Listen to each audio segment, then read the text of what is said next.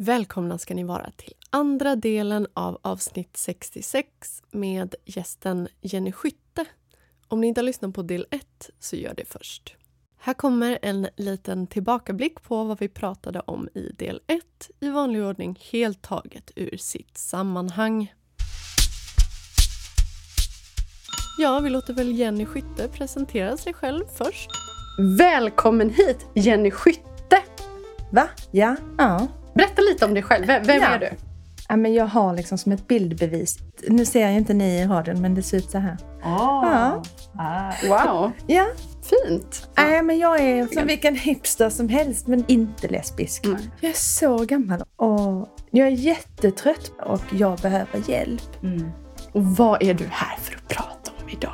Jag har inget diskställ, jag måste ha ett diskställ. Och mina kompisar, de tänker inte så mycket på det. Men de är ju uppvuxna i Göteborg. Det får man inte glömma. Men nu får ni komma och hjälpa mig. Och vem är då Stina, Jennys tjej? Åh, bra fråga. Dåligt klädd. Jag också. Alltså, hon och jag hade ju kunnat vara bästa kompisar. Stina är min boxnings... Nej, faktiskt från början var hon inte det. Hon luktade lite. Oh ja. Det var inte så trevligt. Hur är er relation nu? Alltså, eh, det kommer jag inte ihåg ens. Nej. men jag vet faktiskt inte. Nej. Men liksom, allting är kul på alla sätt. Men för Mm. varje dag som går så blir Stina liksom så här mer och mer inkontinent. Ursäkta? Man kissar och bajsar. Jag vet inte vad som är vad. Jag bara, men titta! Äckligt. Det är så himla förnedrande. Det är precis det jag börjar bli trött på. Jag är trött på att ta ansvar. Och det är faktiskt ganska jobbigt. Men det handlar ju också om respekt. ansvar för. Det är så tjatigt. Ja, men jag kan ibland känna så här, herregud vad säger hon? Herregud vad gör hon? Jag skäms. Sen var det ju det här med lesbisk sex. Går det ens? Och i så fall, hur gör man? Jenny delar med sig av sin första gång. Hur gick det här till? Jag mm, vet inget. Det som hände var att eh, Stina var i närheten. För att jag har ju absolut försökt. Hur ska man våga? Alltså det är så mycket lättare olikkönat. Ja, ja. Det tror jag också. Allt som är rätt, allt som är bra, allt som räknas. Hade detta hänt igen, då hade jag sagt så här. Hallå, nu måste någon komma. Mm. Mm. Därför att annars går detta åt helvete. Det kändes som ett sånt, det här kommer aldrig att gå. Nej. För det här är för konstigt. Och hur bra gick det? Det var hårt alltså. Ja, men det gick fort som fasen och det var så tråkigt. Pang sa det. Men hur kändes det för dig liksom först? Nej, det, jag tror skav skulle jag svara på frågan. Skavigare än oskavigt. Det skaver, sen är det färdigt liksom. Nu kan inte jag mer. Mm. Mm. Nu måste jag dra ett andetag. Det här är också bara mina erfarenheter i min säng. Men det är väldigt lätt att tänka att jag får bara lida ut det. Det är så här dåligt. Jag kan inte påverka det. Det kommer inte bli bra. Men det är allt jag har liksom. Tiden i livet är för kort för att man ska typ försöka göra det bekvämt som kvinna. Heteroakuten med Nicky och Freja.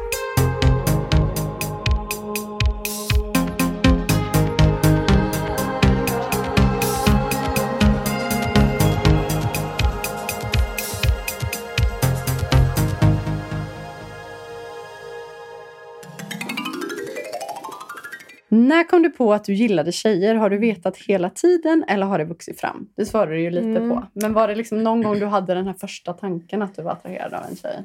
Det kommer jag inte ihåg för det var så länge sedan. Tidernas begynnelse. Ja, Alltså faktiskt. barndomen. Före Eva, bara Adam. Jag tror du menar Eva Dahlgren. Innan Eva fanns det inget på Nej. kartan för Nej, mig. det fanns det inget. Hade du någon crush när du var riktigt ung? Nej, så det talar jag emot det. Då var jag ju bara kär i killar. Men det fanns något där i alla fall. Ja, men jag vet att när det tog slut med Jonas så ringde jag min kompis Karin som eh, är lesbisk och sa att nu kommer jag ut, kan vi gå ut? Hur, hur gammal var du då? 25 kanske? Ja, för, för Jonas är inte din exman, han heter Johan. Det var väldigt likt. Nej men Jonas var jag väl ihop med när jag var 23 och 25 kanske. Mm, mm. Okej, så de tankarna har ändå funnits där. Absolut. Här också en lyssnarfråga. Har du hittat eller känt behov av att umgås med andra som är late bloomers? Ja, tack! Slå mig en signal. Gärna, det saknar jag. Mm. Bra fråga. Jag vill åh, jag längtar efter ett sammanhang där jag inte behöver förklara mig. Så ni som lyssnar, oavsett om ni är late bloomers eller bara saknar ett queert sammanhang eftersom att du mm, säger att du också gör det. Lite grann. Du får alltid vara med oss. Men överlag, om du känner att du saknar ett queert sammanhang och bor i närheten av Göteborg så hör av dig till oss. Eller sök upp Jenny Skytte på Instagram så löser ni det så. Eller via oss om du hellre vill det. En banankontakt så här. Ja, kontakt ja, jättebra. Ja. Mm. Det är vår egen eh, relationsförmedling. Jaha. Yep. Mm. Represent. Eh, Jag vet ju att ni är några stycken som Mm. har samma frågor. eller om man vill brevväxla kanske. Jag vet inte. Jättetrevligt. Åh, vad Ja. mysigt. Ja. För nu bor i en annan del av eh, landet. Du som, ni som till exempel har skrivit till oss och säger hur kommer man ut? Vill ni ha någon att prata med så vi löser detta. Och här är väl en, en följdfråga blir det ju lite. Känner du att du har hittat ett queert sammanhang som du gillar och känt att du passar in i? Ja, men på väg kanske. Där är det också lite så här ålder. Att jag är ju äldst. Jag, tänk, jag är ju 15 år äldre än vad ni är, men det tänker jag inte på. Nej. Och jag tänker inte så här när jag hänger med Stinas kompisar på att jag är äldre. Oftast Men det tänker jag det- tvärtom. Jag tycker oftast att jag är coolast och roligast i, många sammanhang, i många sammanhang. Men jag tänker också att det är väl det som är det fina med queervärlden. Mm. Att det i alla fall ganska ofta finns rätt spridda åldrar i vilka man umgås med. Det pratar vi ganska mycket om. Men det är väldigt intressant att umgås med folk som inte bara är lika gamla som Nej. en själv. Mm. Det är Nej. ganska tråkigt. Jag vet att så fort, alltså, om jag sitter i ett stort sammanhang och inte känner någon Mm. så vill jag prata mest med dem som har större åldersskillnad från mig Mm. Mm. än de som är födda samma år. Vad Men jag, Freja. ja, mm. faktiskt. Men jag vill ju prata med intressanta personer. Mm. Och det finns ju personer som är totalt ointressanta i 20-årsåldern, 30-årsåldern, 40-årsåldern, De finns 50-årsåldern. Överallt. De finns överallt Mm. och det finns mest av dem. Mm. Men så hittar man intressanta personer ska man verkligen hålla kvar vid dem. Jag Vad är det då, en intressant person? men en person som inte är så rädd att uttrycka sina tankar om saker och ting. Har varit med om mycket i livet. Och folk som är lite råa och roliga. Folk som bara kör Mm. lite. Ja. Utan att vara ohövliga ska sägas. Inte, Nej, liksom- ohövliga gillar inte jag heller. Nej. Nej. Nej, Jag tycker det- inte om skämt på andras bekostnad till exempel. Det gillar inte jag. Det Nej. tycker jag Nej. är ohövligt. Där det är väldigt stora generationsklyftor så kan det ju finnas vissa saker man inte håller med varandra om. Men då kan man fokusera på de bra sakerna. Ja, men faktiskt. Det ska man inte vara rädd för. Alltså att tycka olika för att man är från olika generationer och har Mm. olika erfarenheter. Jag har till exempel fått en gubbkompis som jag kallar honom. Mm. Som är, Han ringer ofta. ja, han ringer ofta. Jag hade ju också en gubbkompis, granne Janne. Han Ja. dog. Ja, det tyvärr händer ju det när de är äldre Mm. Fniss. Ja, fy, förlåt. Nej, men det är för att jag är rädd att Sven-Erik ska dö också. Jag bara, hur ska det gå då? Vi har ju bara roligt. Mm. Alltså varje gång jag är där så bjuder han på middag och så dricker vi snaps och så pratar vi och berättar rövarhistorier och så visar han bilder på sina ex-tjejer och berättar och så börjar han gråta lite för att han kommer ihåg något som var hemskt och sen så går vi på en promenad och sen så hej då. Jättetrevligt! Och han kan ju säga konstiga saker. Det ska man inte vara rädd för. Man kan nog då man kan säga- ju korrigera. Och jättebra. man kan säga, det där vill jag inte att du säger och det där vill Ja. jag inte att vi pratar om för då kommer vi bli sura på varandra och Mm. jag vill inte att vi är sura på varandra. Så. Absolut. Och han har ju dragit bögskämt och jag har varit tyst och då har han tittat och sagt det där var nog inte okej va? Så Nej det var det inte. Han bara okej. Jag är van att det var bland andra. Jag bara jag förstår. Men han bara ja men jag förstår. Mm. Men jag tror att en del av det där som jag kan tycka är skönt när jag är med andra som inte lever i norm är att jag inte behöver förklara just det. Att det inte kommer så mycket risiga skämt Ja. eller så här kommentarer som är så här, åh jag skojar bara. Ja, jag skojar bara. Det är ganska skönt att slippa det ett tag, tycker jag. Ja, Ja, Men det, alltså, det fattar jag Ja, ja, hundra procent. Jag tänker att om man bara har den typen av personer runt Mm. sig. Då Då... har man ju ingen tolerans alls för. Nej, definitivt inte. Ja. För Alltså, mig är det typ lite exotiskt. Jag bara oj Samma han drog här. ett bögskämt. Wow! Det har jag inte hört sedan högstadiet. nej. Så det är nästan lite uppfriskande. Jag var Ja. så här, åh nu är jag bland vanliga människor. Ja, just det. Bryta alla ålderstabun. Jag håller med. Och man får göra vad man vill i alla åldrar. Ja, men det man inte vet när man är typ 18. Man fattar ju inte att hjärnan inte kommer bli äldre. Alltså man är ju typ mellan 18 och 25 i huvudet hela livet. Det är bara att kroppen blir äldre. Det är inte riktigt sant. Hjärnan åldras Nej, och man får sämre minne. Alltså man, blir, man får sämre minne och man får mer erfarenheter. Och erfarenheterna gör en förhoppningsvis klokare. Mm. Men vad man tycker är kul och vad man liksom vill prata om och liksom Ja. ens intressen. Ofta stannar man ju kvar. Så det finns Mm. ju alltid någonting att mötas i. Okej, nu kommer vi då till frågan som alla egentligen undrar över. Hur var det att ha sex med en tjej första gången? Det var obegripligt. Jag var ju jättegammal, har legat jättemycket, men eh, visste inte vad jag skulle göra. Jag vet inte ens när vi hade sex. Länge funderar vi på, ju, har vi haft sex nu? Eller Vad är sex? vad är sex? Det kan jag fortfarande... Har vi legat? Alltså enligt många har ni inte legat. Har ni haft strap-on så har ni kanske legat. Vi använder inget. Nej, då har Nej. ni inte legat. Vi har aldrig legat. Nej. Nej, Nej, det är bara hon och jag. det, det går alldeles utmärkt. Ja, men eftersom definitionen är så himla svår så vet jag inte ens när det var. Men sen var det ju väldigt taffligt alltså, Mm. länge. För vi visste ju inte hur man gjorde. Och vi är ju inte ännu säkra på att vi vet hur man gör. Vi vet ju fortfarande inte om vi gör rätt så att säga. Jag tror inte det finns något rätt. Jag tror att man kan göra allt. Man behöver ju inte ens ta på varandras könsorgan eller ta sig kläderna för att ha sex. Men många lesbiska gör det vill jag bara säga Ja, det- till alla våra hetero-lyssnare. det här med att, och så kramades de och så blev det inga barn. Är liksom, Nej, det jag var tänker- halva storyn. Jag tänker på eh, i tonåren så hade jag vänner som hade varit så nej men vi låg bara och kramades och typ hade varandras ben mellan benen och typ gned oss mot varandra så vi har inte haft sex. Och jag var så här, men någon som kom? Ja, då kanske. Eller var ska man då dra den gränsen liksom? Att komma är heller inte en definition för att ha sex. Nej, det var ju också en ny dimension när man ligger Mm. med en kvinna. Lite liksom friare på det sättet tycker jag. Men det tog jättelång tid. Alltså jag kunde inte fatta något. Mm. Jag visste inget. Vet du något nu då? Ja. Det vet jag när jag var tonåring och hade kommit ut men inte haft en tjej eller legat med någon. Jag har kommit ut innan jag legat med någon. Gud, Och det, kändes som, jag kände mig som fake news. Liksom. Här går jag och säger att jag är lesbisk och så har jag inte ens legat med någon eller haft en flickvän. Det kände inte jag. Inte? Alltså inte alls. Jag tror jag till och med jag har berättat i podden någon gång att det var en vakt en klubb. Så jag tror att det började med att jag och min kompis försökte komma in på klubben och sen så på något sätt kom det upp att jag var lesbisk. Och då så sa han, men har du haft sex med en tjej? Och då så, eh, jävla sanningsserum som jag är, så sa jag nej. Och, och pratar ja, jag, ja, men alltså 16 jag, jag var 100% gränslös till jag var Ja. 25. Alltså Han var 100%. gränslös, menar jag. Jo, Ja, jo, han var men jag var också gränslös och det var förmodligen jag som hade insinuerat någonting för att jag gjorde sånt. Då i alla fall så sa han att men hur kan du veta att du är lesbisk om du aldrig haft sex med en tjej? Och då så sa jag, då kunde du veta att du var heterosexuell innan du hade haft sex med en tjej och om du inte haft sex med en kille, hur kan du veta att du då inte är bi? Och då hade han ju inget svar på det. Nej. Och jag sa också, du vet väl att man kan fantisera och veta att man blir kåt på det? Även om man inte har haft det. Han En kanske person. lärde sig något den kvällen. Han kanske började ligga med killar efter det. Vem vet? Det här att bli ihop med en tjej och inte veta vad man ska göra. Det var det jag skulle komma till. Jag Mm. kommer ihåg det från när jag var tonåring och jag hade ju känt likadant idag. Hur kändes ditt första sex? Jag hade ingen aning om vad jag skulle göra heller. Alltså jag visste ju ungefär vad jag tekniskt sett skulle göra. Men jag förstod också att alla är olika och tycker om olika saker. Och när man är 14 som jag var så kanske man inte är världens bästa på att typ kommunicera. Hon hade inte legat med någon heller. Så att jag kunde inte fråga vad gillar du?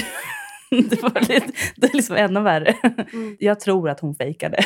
Jag, jag tror verkligen att hon fejkade. Eller så var jag en gudinna i sängen första gången. Men det gick lite för bra. Det gick lite för bra. Det gick faktiskt ganska bra för mig också första gången. Jag fick ju verkligen en sån halleluja-upplevelse. Det var liksom som att det kändes som att jag bara tryckte på massa olika roliga knappar och att det bara var ny effekt för vad jag än tryckte på. Alltså det var verkligen så. att- om jag gör lite sådär med fingret då låter hon så här och om jag gör så då låter hon så och så gör jag rytmiskt på det sättet då låter hon så. Det var liksom bara Det som var att, sen du blev DJ. ja. ja men ungefär. Nej det var faktiskt innan. Jag var 18 första gången jag var med en tjej, 17 när jag blev DJ. Men Kanske därför det gick bra. Precis, jag visste hur man trycker bara. Alltså. Ja, en grej som hände var när jag jobbade på försvaret så jobbade vi på Pride i Stockholm och då skulle vi gå på olika föreläsningar. Då hade jag uniform och gick på en föreläsning som hette Klittan mitt i fittan. I uniform. Så jävla bra. Och då pratade de om eh, klittfulness.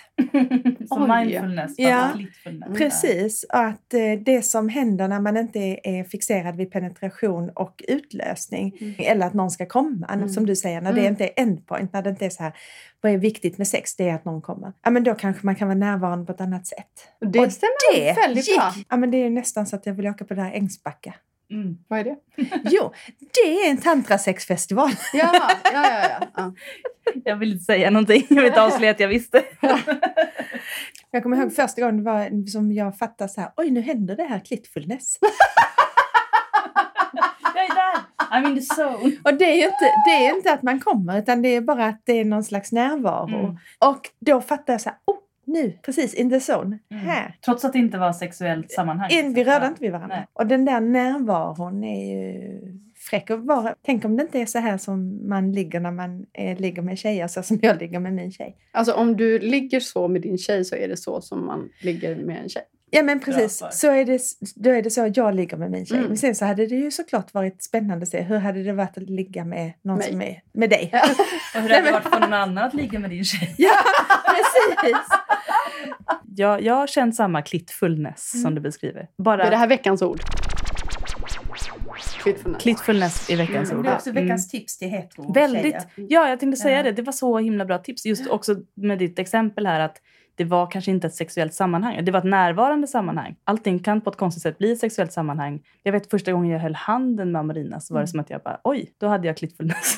Mm. Och att om hon säger någonting kärleksfullt, alltså sådana Vad är saker. det som händer när ni får klittfullness? Jag fattar ändå inte riktigt när det inte handlar om sex. Varför heter det klittfullness? Det sväller till. Det sväller till, Det ja. sväller Det till. sväller till. Det är väl att vara kåt? Ja, men också på något Nej, sätt. En tyngd, liksom, en närvaro, ett, ett lugn. Det finns ju de som kan till exempel komma av bara stimulering av bröstvårtorna. Och där tror jag att det är klittfullness. Min första flickvän, hon kom av att vi låg med varandra på- med kläderna på och bara tittade på varandra. Mm. Det var Men coolt. det är klittfullness. Det är ett jättebra exempel. Lever dina föräldrar? Ja, mamma och pappa lever och mammas man Gösta.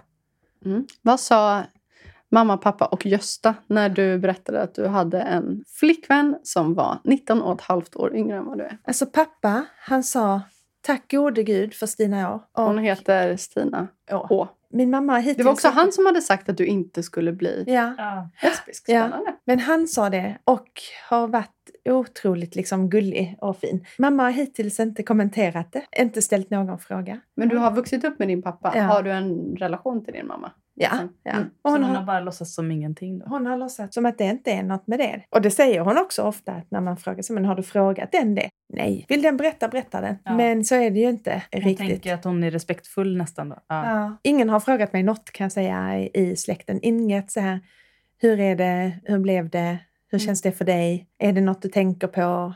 För jag vill vara tydlig med att det är en jättestor grej att bli ihop med en kvinna när man alltid har varit ihop med en man Mm. och har två vuxna barn.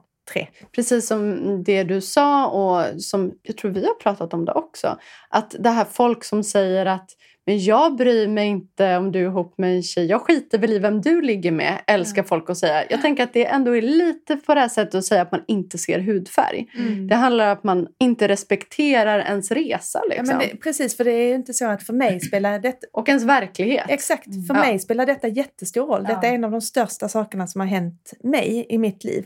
Jag får ingen fråga från de som säger att de är mina nära släktingar. Nej, men det, Eh, jag har upplevt exakt samma Ja. sak kan jag säga. Och då är jag ju ändå inte 20, men 18 år yngre Ja. än vad, vad du är. ja. Stinas släkt. Har inte heller frågat. Så det liksom finns Ja. en tystnad kring det som jag tror att folk tänker så här, den är accepterande. Men vad som händer med mig, det är att jag blir icke-existerande. Ja. Den som jag är, min person, blir helt oviktig därför att det här har hänt mig.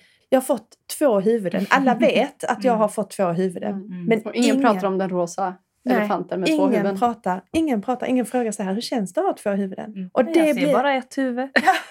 Det blir väldigt ignorant och personen Jenny eh, har krympt av det verkligen i de här släktrelationerna. Mm. Ja, det kan jag Eh, verkligen eh, relatera till. Ja. Också för att min släkt var väldigt mycket sådär innan jag kom ut. Alltså från att jag var jätteliten verkligen. Så här, har du någon pojkvän då? Eller så här, vad heter det? Och när jag hade det då under, när jag var typ 14, 13, 14. Då frågade de en miljard frågor om det. Och sen sekunden min pappa pappa nämnde för någon av dem att jag mest gillade tjejer, vilket jag tyckte var jätteskönt för då slapp jag säga det själv. Så det har inte ens funnits som ett ämne. Och jag tror att de i alla fall övertalar sig själva att det handlar om en slags respekt, att inte Mm. lägga sig i. Men med tanke på hur mycket de frågade innan, det handlar ju bara om feghet. Jag tycker ja, det är väldigt sårande faktiskt, eh, upplever jag det. Och tilliten blir väldigt låg från mig alltså. Mm. För det är ett sånt uppenbart ointresse Mm. för min person. Mm. Och skillnaden mellan att vara på arbetsplatsen och att vara i privatlivet för mig, det är att på arbetsplatsen är jag i funktion. Men i privatlivet är jag i huvudsak som person. I min roll som förälder ibland, som partner ibland, som barn ibland. Klart att man fyller sin funktion.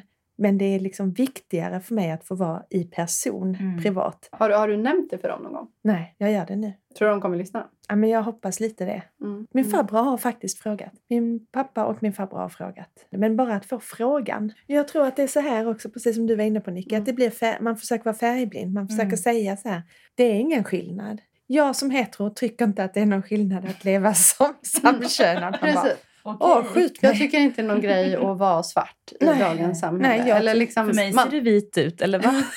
ja, man vill ju att folk vara nyfiken på en. Ja, De måste ju vara jättenyfikna, tänker jag. Det är det här att... Men bara barnen, hur barnen tagit, de måste ju vara jättenyfikna på det. eller så det är liksom. tänker inte de säkert. vet, nej. Det är inte säkert för det. När jag tänker på mina barn och deras respektive relation så det är ju en superviktig fråga för mig. Har du det bra? Har du det bra med din partner? Mm. Alltså de blir ju irriterade för att jag ställer den.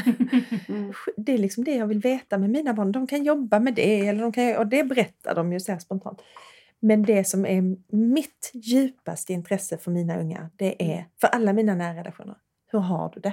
Och det är ju en sund sak som jag hoppas att jag kommer att ge. Eller jag hoppas, alltså, annars skulle jag bli riktigt... Så, nej men så Tänk om kass... du skulle säga så här, det är en sak som jag faktiskt planerar att inte ge. Nej. Jag hoppas att jag inte ger. Redan nu innan jag ens har några barn så är jag totalt onyfiken på dem. Inte ett dugg. Vem kommer de vara? Vad kommer de heta? Skiter väl jag i. Okay. Skatteverket Kom kan få igenom bekräfta mig, Ja. jag är lejon. Precis, eller hur? Förminska inte dig själv men liksom, säg inget om dig själv just nu. Jag upplever det så här att när jag kommer till, nu har jag började jag på ett nytt jobb idag. Då eh, vet jag att snart så kommer det någonting där jag ska säga min tjej eller, och de tror att det är min dotter eller min partner Ja, mm, mm. eller min eh, flickvän. Vilket ju känns också konstigt. Alltså tänk Och- vad många som hade varit lesbiska om min tjej alltid betyder min tjej. Ja. Alltså det är så många som bara, "Ja, med mina tjejer, man bara wow, flera stycken! Så bara, okej. ja, det var dina barn du syftade på då. Bara, Ja. snälla. Ja. Ja. Men så väntar man ju på att det ska komma. Ja. Och idag var jag faktiskt på en arbetsplats där det var så här. Jag behöver gå lite tidigare för att jag ska spela in en podd. Åh, säger de. Ah, vad ska den spännande. handla om? Och så berättade jag lite vad den ska handla om. Och då fick jag följdfrågor. Ah, Wow! yes. Hur gick det till? När träffade du henne? Vad, hur visste du? Ja, det som Mm. vi har pratat om Men idag. vad härligt. Då ska vi ta den här frågan. Mm.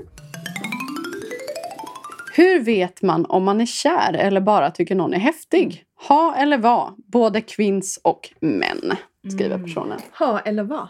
Vad Tänk härligt att- att få den reaktionen, för Mm. det är så himla lesbisk känsla. När man är tonåring Ja, bara, är det väldigt Gud, vilken svårt. cool tjej, henne skulle Ja. jag vilja vara. Eller är Eller det att man egentligen vill ha. ha henne? Ja, mi, mitt spontana svar, som jag måste säga innan jag glömmer bort det, tyvärr. Trots att frågan inte var till Nej, dig. men nu så kommer det. Kör. Det var nämligen en gång så hade jag verkligen den problematiken i, kanske inte ha eller vara, men liksom att jag kände att jag ville vara väldigt nära en person och liksom var väldigt dragen till en person. Jag var alltid glad när jag träffade henne, men jag, jag visste ändå inte riktigt. Och då så sa en av mina bästa kompisar till mig, men Nicky, vill du knulla henne? Och då sa jag, vad säger du? Nej men alltså vadå? Jo men jag vill väl. Hon bara, du brukar inte svara så. Vill du knulla henne eller vill du inte göra det? Jag bara, nej men jag kanske inte vill det då. Nej. Och då sa hon, "Ja, men då kanske du har svaret. För mig, och det gäller ju då inte, inte alla personer, inte alla sexuella och Inte så vidare. alla och så vidare. killar. All, nej, precis. Inte alla killar.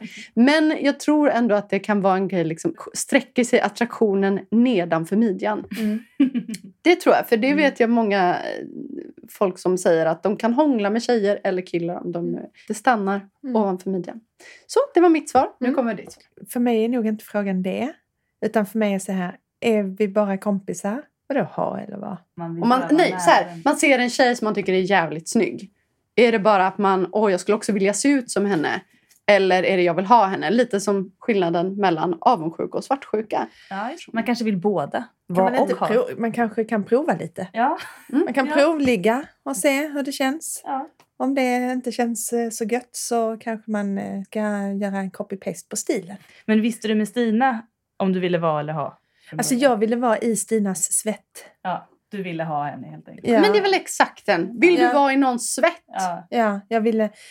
Hon var tränare någon gång på ett gym och så var jag på väg till jobbet. Och så såg jag henne. Så gick jag in på gymmet och bara göttade mig i svetten i hennes ansikte och sen gick jag till jobbet. Orimligt. Men däremot har jag en kompis som jag tycker, eller en bekant som jag tycker är supertuff.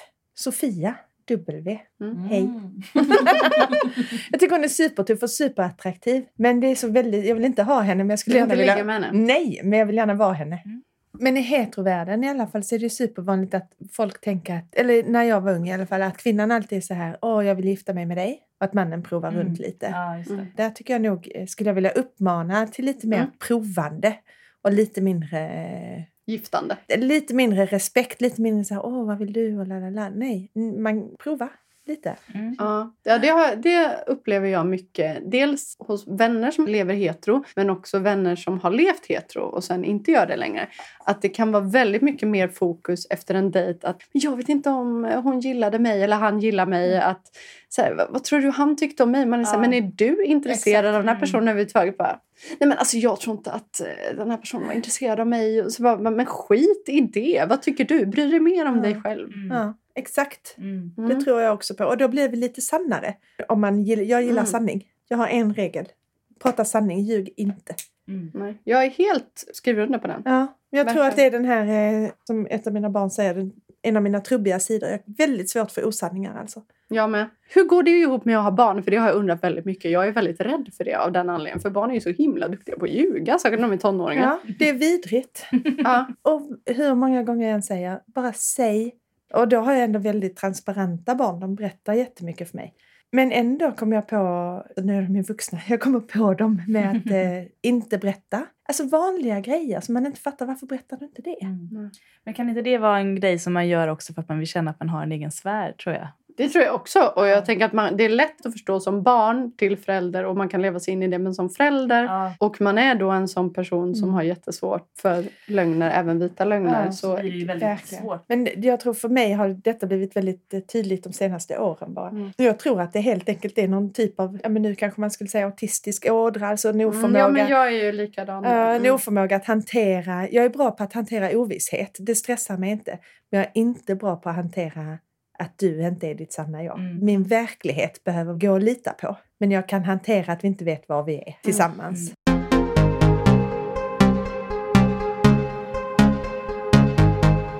Vi hade ju livepodd, Queer Edition, i Stockholm. Och de här Så- frågorna är över och nu ska vi bearbeta dem tillsammans med dig, Jenny. Mm. Vi har inte läst dem, så att vi vet ingenting.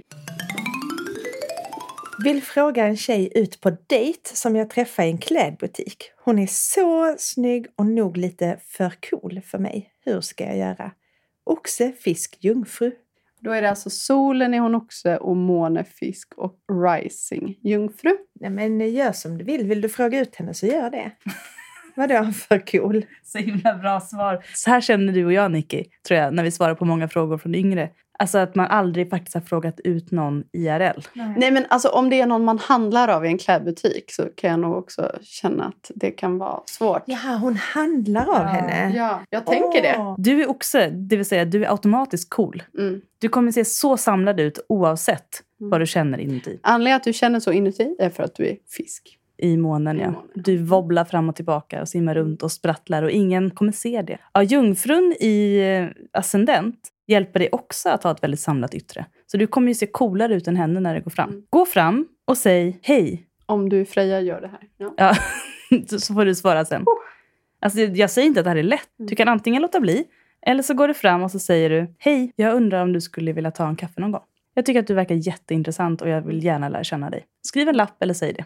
Jag hade letat upp henne på Facebook, sagt att hej, här dök du upp bland eh, gem- kanske gemensamma vänner. Sneaky peeky. Om Och- du nu hittar henne på sociala medier. Ja, men det kommer du göra, herregud. Om du är ung så är du duktig på att stalka. Men hon kanske inte vet vad personen heter.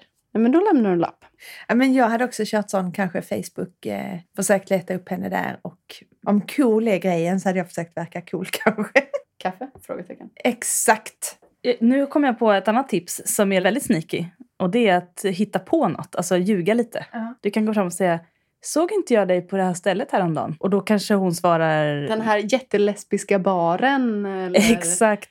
Eller bara, t- oh, jag vet inte om det här är... på lesbisk och queer festival som du ju var på eftersom att du skrev den här lappen. Ah, Ja, Mm. bra tips. Ja, men ljug ihop någon plats där du skulle ha sett henne som du också tycker att hon skulle bli lite smickrad av eller överraskad och glad över. Ja, det tror jag är bra. Mm. Överraskad, glad, smickra, bekräfta. Men jag tänker att du kanske inte behöver bjuda ut henne direkt. Du kanske kan vara där i butiken, snacka lite och hänga runt lite. Okej, vi gör en plan nu då. Ja. Så första gången går du fram och säger ah, såg inte jag dig på det här stället och så får hon säga vad hon vill om det. Lesbisk och så gärna någonting väldigt lesbiskt då för att göra en liten hint. Sen går du därifrån och verkar ascool. Sen kommer du tillbaka och vill lämna tillbaka. Lappen. smart! För då får man komma tillbaka dagen efter medan minnet är färskt. Är hon inte där den dagen, gå hem och gå tillbaka en annan dag. Och så kan du säga, men ska du inte med på nästa? Där jag trodde att jag såg dig sist. Även om du inte var där, ska du med nästa gång. Det är bra. Nu blir jag lite smickrad av den här lappen. Hur uppmärksammar man ett lejon så mycket som hon förtjänar? Med vänlig hälsning, en jungfru. Oj, oj, oj. Jo, jag skulle säga uppmärksamma extremt mycket. Bekräfta extremt mycket utan att du utplånar dig själv. Det är viktigt att du även liksom... Lyfter upp dig själv samtidigt. Ja. Mm. Inte tävla. Jämför inte. Det mest osexiga som man kan göra, tycker jag i alla fall, som är lejon, det är om man som partner eller dejt är sådär, du har ju mycket intressantare liv än jag, kan inte du berätta det här? Eller du har ju mycket snyggare kropp än jag. Men, så här, men herregud, det är väl bra att det finns två kroppar, annars är det svårt att ha sex. Liksom. Men beundra personen, men aldrig på bekostnad av dig själv. Bra svar. Men, men bara du har stor respekt för dig själv och vågar lyfta upp dig själv så finns det inga gränser för hur mycket du kan beundra ett lejon. Jag har inget att tillägga. För jag talade sanningen. Lejonet har talat sanning. Ta den här. Visst är det Oj. skojigt där? Ja. Fantastiskt. Det här är sån lyx. Det är som att vi får presenter.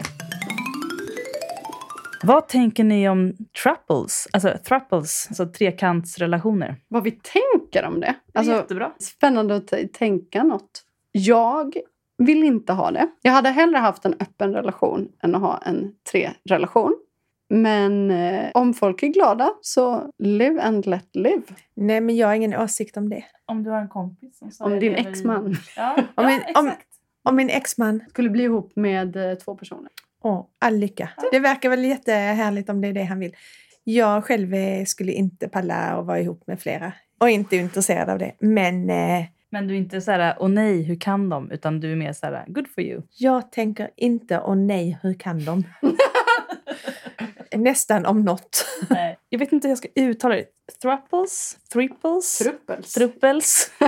Thruppels? Triangler. Triangelrelationer då. Ja. En relation där de är tre i en fast relation. Mm. Jag tror att det är en väldigt stabil kombination faktiskt. Jag kan tänka mig att om jag någon gång skulle leva flersamt igen så skulle det vara ett tryggare sätt för mig att göra relationer än att till exempel ha en öppen relation och båda träffar olika på olika håll.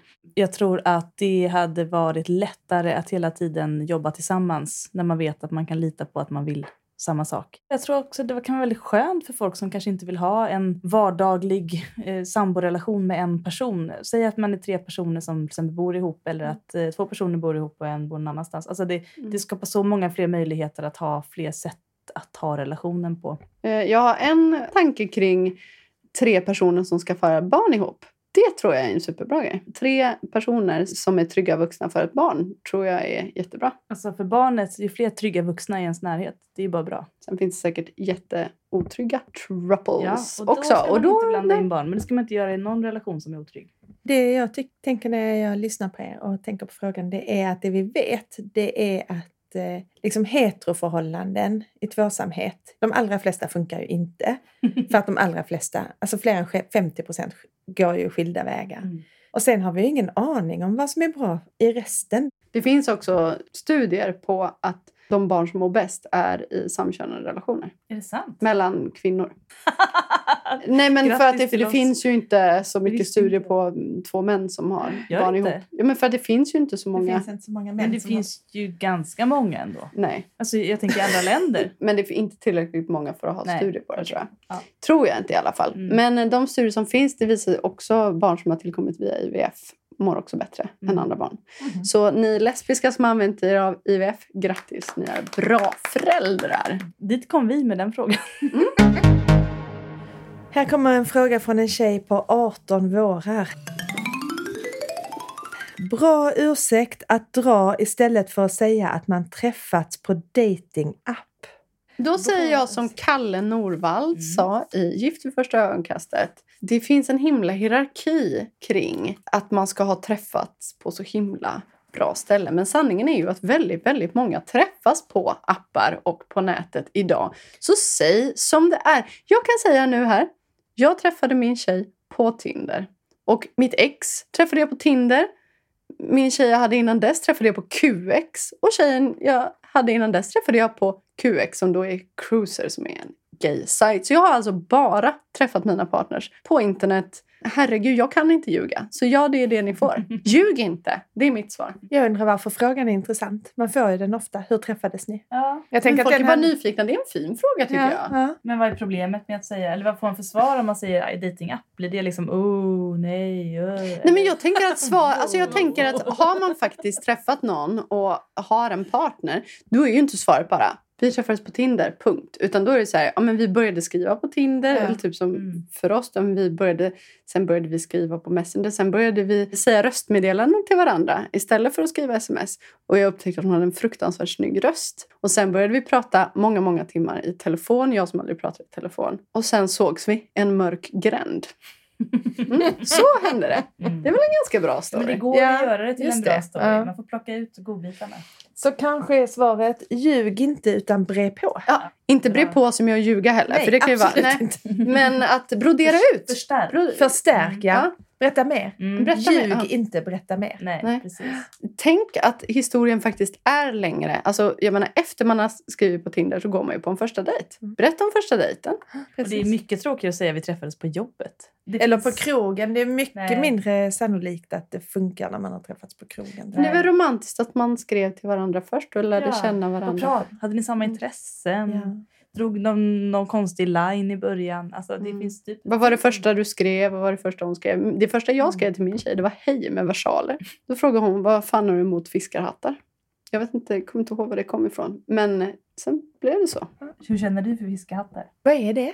Det är såna här sjukt fula hattar. Eh, det är liksom här, det är som en eh, potta på huvudet och så ser det en sån liten rand. hängande krans. Fast det, är, och det, är ju liksom, det ska absolut inte blandas ihop med sydväst. Nej, För absolut en men sydväst har man ju när det regnar. Men Ja. detta är typ som en sydväst fast i Hips. pack, bucket hat. Ja, precis. det var språk. exakt det hon Ja. sa. Vad har du emot bucket hats? Ja. Vad- Hur känner du för bucket hat? Men jag har ingen speciell känsla inför det. Men jag Stark. använder det. Ja, då hatar du inte. Nej, Nej. men det har också en väldigt speciell... eh, Nu ser ju inte ni i radion detta, men jag har ju fått såna här pigmentförändringar. Mm. Nu måste man vara försiktig med hyn så man Ja. inte får cancer. Och då hjälper det inte med keps för då sticker öronen ut utan på min nya keps för där får de vara på insidan. Mm. Men jag behöver alltså solskydd. Därför har jag köpt mig två stycken olika bucket hats. Båda begagnade. En med ett litet brätte och en med ett större brätte. Ja, men det, Mm. Och jag har en tredje som jag har när jag är på stranden. Mm. men det, då kan jag förstå Och jag det. har en fjärde faktiskt som jag har när jag surfar. För du har fyra bucket Jag har faktiskt fyra bucket Du hats. surfar i bucket hat alltså. Ja, visst, och jag är den Wow. enda som gör det. De andra är så unga så de har inte fått här förändringarna Men än. åker inte av när du ramlar ner? Nej, men jag har en sån här liten... Jag har en sån liten eh, strap-on under hakan liksom. Strap heter det annars.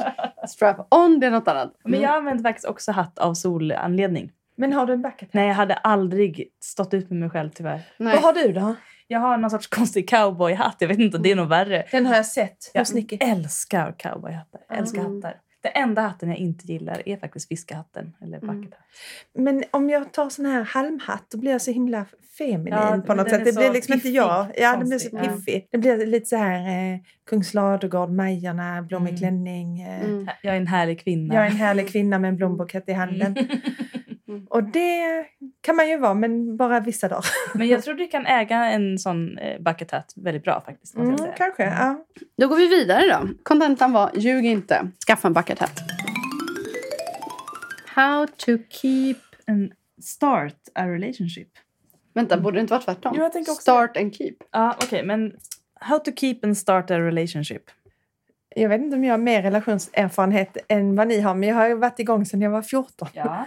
Alltså starta den genom att vara ditt bästa jag. Bara vara ditt mest attraktiva jag och Var bara coolaste. Var bara snygg och kul på ditt sätt. Och fortsätt sedan ha den genom att vara närvarande och inte ljuga. Varken för dig eller för någon annan. Mm. Jag tänker också att det är bra att skärma någon genom att vara som du hade velat snärja en som du skulle vilja blev din bästa vän. Mm. För jag tänker att man kan snärja någon ganska bra genom att vara rolig. Mm. Och är man väldigt nervös då är det svårt att vara rolig tycker jag. Det kanske inte är hur man startar en relation men det är så du kanske eventuellt skulle kunna senare starta en relation. Det här att säga nu är vi i en relation är ändå ett stort steg för många. Vissa kan ju hålla på länge. Inte lesbiska, men andra kan hålla på. Jo, man. Johaul heter ja, det. Juhal, precis. Jag har ändå lärt mig något. Det är bra. Hur lång tid tog det innan ni sa förresten? Cirka där på hösten. Mm. Lite senare på hösten.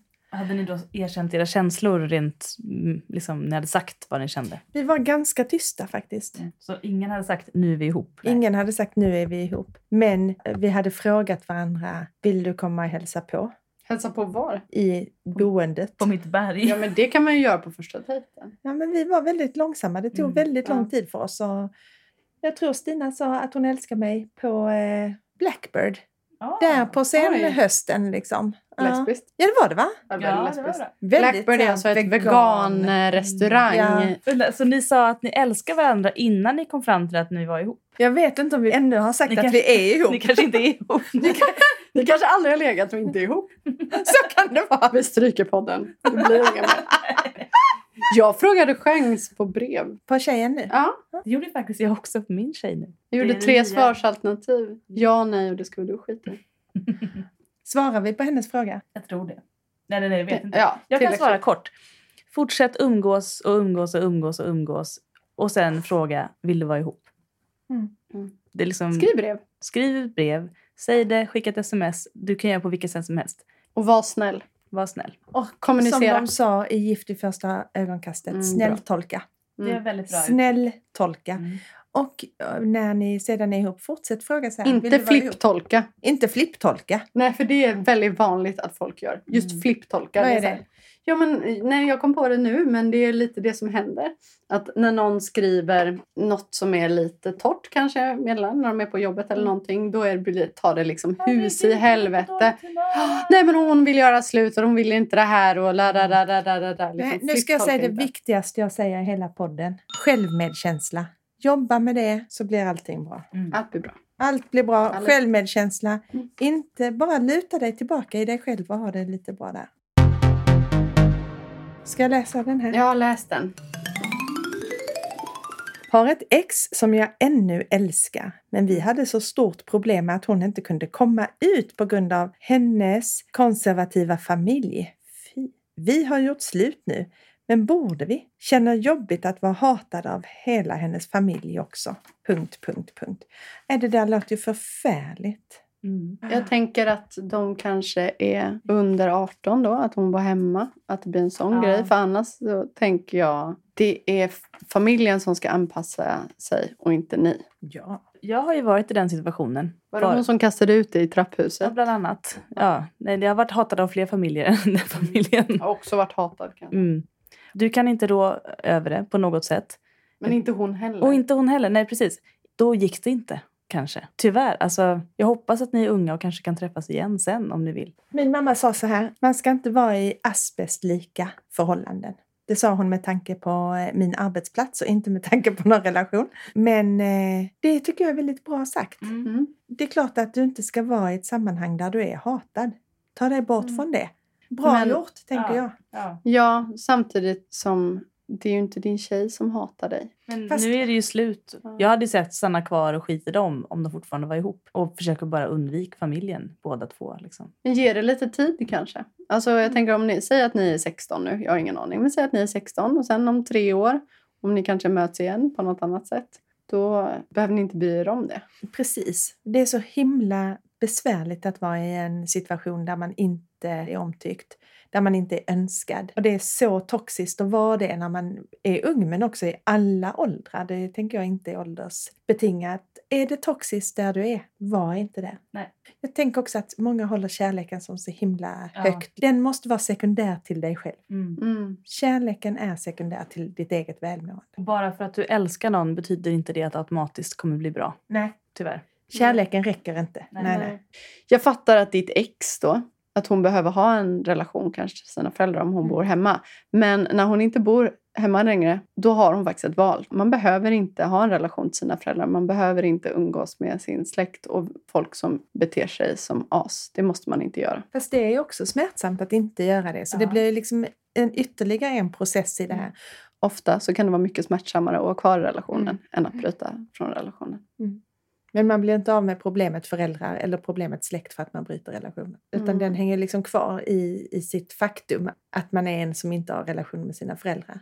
Ja, och det är men ju det, också ja. normativt såklart. Det är också så här, man ska Mm. ha relation till sina föräldrar. Man ska ha relation till sin Mm. släkt och vad man ska ha någonstans att vara på jul. Mm. Men man kan välja sin familj Ja. på ett annat sätt Mm. och ha sina vänner. Om man Ja, har några vänner, det har ju inte alla människor. Men man kan skaffa sig vänner. Ja, jag kan, men jag vet faktiskt inte om alla kan. Nej, jag tror att alla kan, men jag tror inte att alla gör det för det. Men jag tänker att ett sätt att skaffa sig vänner kan ju vara att bryta från folk som är emot allting som Mm. en själv är. För om man inte umgås med folk som avskyr en så kanske man tycker om sig själv lite mer också. När man inte blir påmind om att man är Mm. dålig så kanske För man börjar annars blir det internaliserad homofobi och självhat. Mm. Att man börjar se på sig själv som andra ser på en. Mm. Det ska man undvika. Det är den stora risken med att stanna i sådana relationer. Om man inte tänker att andra ser på en själv som en stjärna. Men då kanske man behåller släkten. Då behåller man släkten. Om släkten ställer frågor och ser på en som en tillgång och en Ja. stjärna, Ja. då är det bara bra. Mm. Ja. Ja, jag tänker hur jäkla svårt kan det egentligen vara att acceptera någon för den de är? Skitsvårt. Folk blir Tydligen. provocerade och rädda.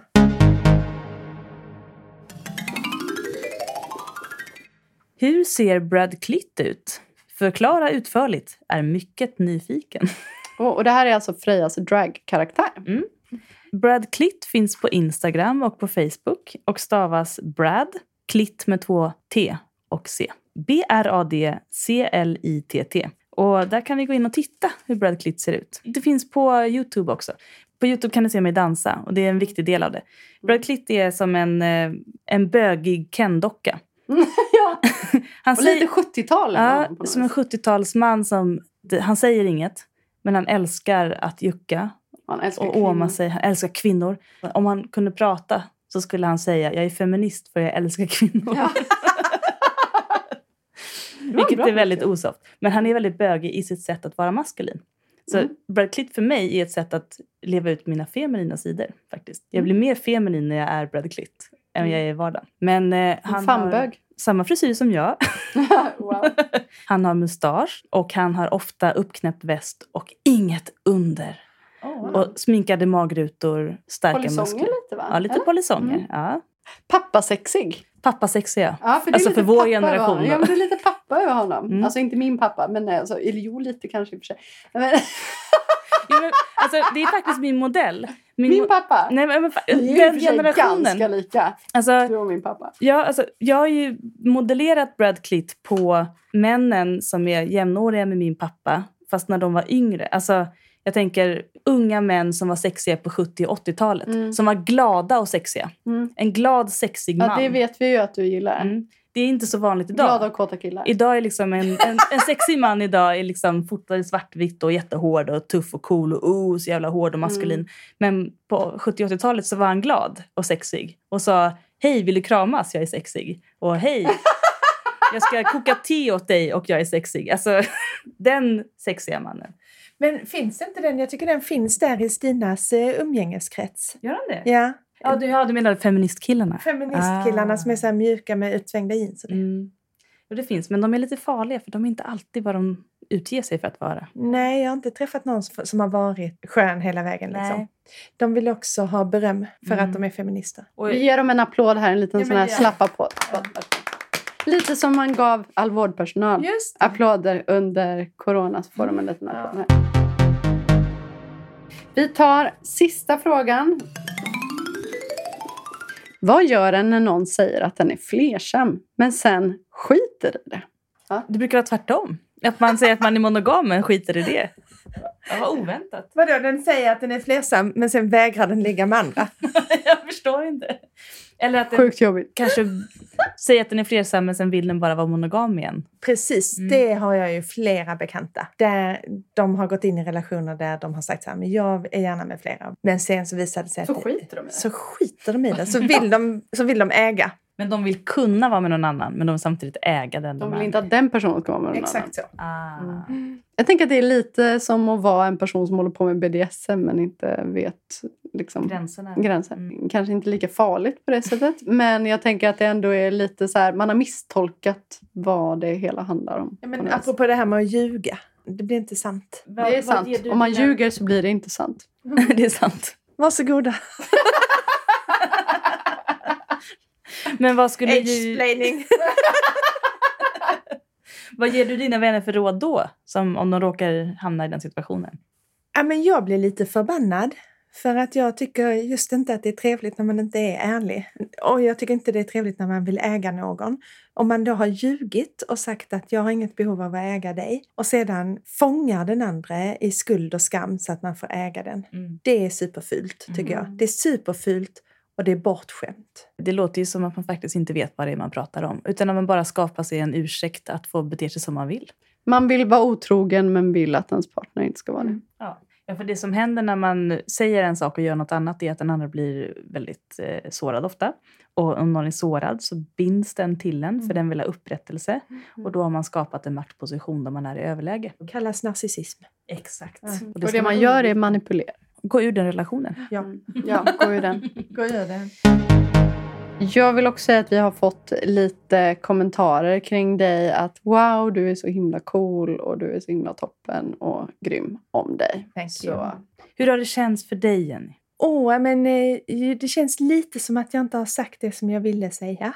När jag egentligen vill säga att leva så att man kan andas, det är det viktigaste, tänker jag. Och om man gör det med empati och kärlek till runt omkring så kommer det gå bra. Och det är också en jävla kamp liksom, för folk beter sig risigt när man eh, slutar leva heteronormativt. För det är också provocerande för folk. Det var en eh, kompis med, hon stod i min hall och ropade så här till mig. Alla kan faktiskt inte ta det steget som du har tagit oj, det lät ju som att det var något som hon själv då... eventuellt- Och det här är helt sant. Ja, Gud ja. vad sjukt. Jag tänker att det också verkligen kan provocera folk Ja. när folk gör en sån grej. När det är någonting man själv känner att man på något sätt kanske har lagt det bakom sig för att det kommer ändå aldrig att hända Mm. och så gör någon det. Men jag tror inte bara om man har, känner att man vill leva på ett annat, alltså med, Mm. i samkönade förhållanden.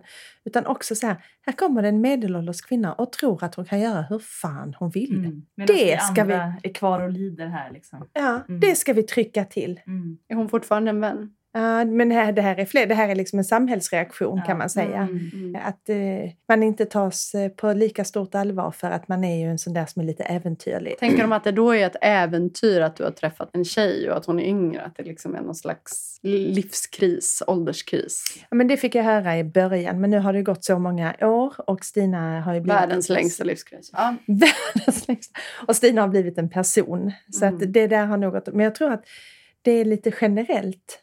Det där som vi brukar raljera över, män som köper motorcykel och skiljer sig och Mm. skaffar en yngre. De kanske också bara har haft en känsla av att de vill vara de de är. Men jag tror att det är extra provocerande när det är så här, en kvinna, en mamma, Ja. som Mm. plötsligt, Mm. Inte Från ingenstans. ingenstans. Men det var en tänk som- på barnen. Ja, tänk på Mm. barnen. De behöver ammas. Nej men det var en som sa så här, åh du har blivit så himla radikal. Och då kände jag mig så jävla arg, för då kände jag så här, men det har jag varit alltid. Det är bara att jag inte har fått plats att liksom säga det de senaste åren. Jag har bara försökt Mm. skapa ett vi och ha det bra. Men jag tror att det som har varit mest provocerande för folk det är att jag, att jag gör lite mer som jag vill nu. Mm. Jag lyssnar på min musik, jag gör mina grejer, jag har mina kläder. Vad har du för kläder till er som inte ser? Oj, Då kanske ni vill se. Jag har ett par jeans Mm. och en svart t-shirt och En Levi's-skjorta tror jag. En jeansskjorta. Ja, Man skulle kunna säga att du har ett Texas tuxedo. det har jag faktiskt. Fast jag brukar inte räkna Texas Tuxedo om man har något som bryter av. Och nu Ah. har jag faktiskt min svarta som bryter av. Men annars tycker jag det är väldigt fint att ha bara. Jeans och jeans. Jeans och jeans tycker jag är supersnyggt. Jag håller med. Du borde ha en cowboyhatt du också. Mm. Vi får se till så att jag skaffar mig det. Ja. Min är från Biltema. Ett hett är det sant? Ja, det är sant. Den kostar 49 kronor eller något sånt. Den är jättebra. Och då kommer de gå i taket, du vet. Ja, Mm. Bara, nu har hon slagit bakut helt. där gick gränsen. Men det, annars känns det bra. Jag är jättetrött. Jag är inte Mm. ni trötta? Vi är så vana att lida. Ja, vi är väldigt vana att lida. Vad gör vi inte för er lyssnare? Men hur har det varit för er? Jätteintressant. Och Mm. jag tycker du har sagt så många bra vinklar. Jag tror att det är lätt att eh, liksom generalisera och säga så här kan man tänka och det här är rätt och det här är fel. Men du har jättemycket inblick i din process. Och som sagt, är ni intresserade av att bli en del av Jennys queer community? Är ni late bloomers eller sitter ni där ute och längtar efter att få andas? Hör av er till oss så kan vi förmedla kontakt till Jenny. Ska vi säga så? Vi säger så. Vi säger så. Tack så mycket.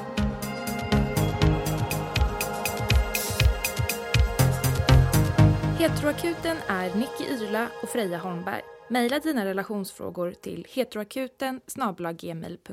Musik och ljudmix av Nicky Irla.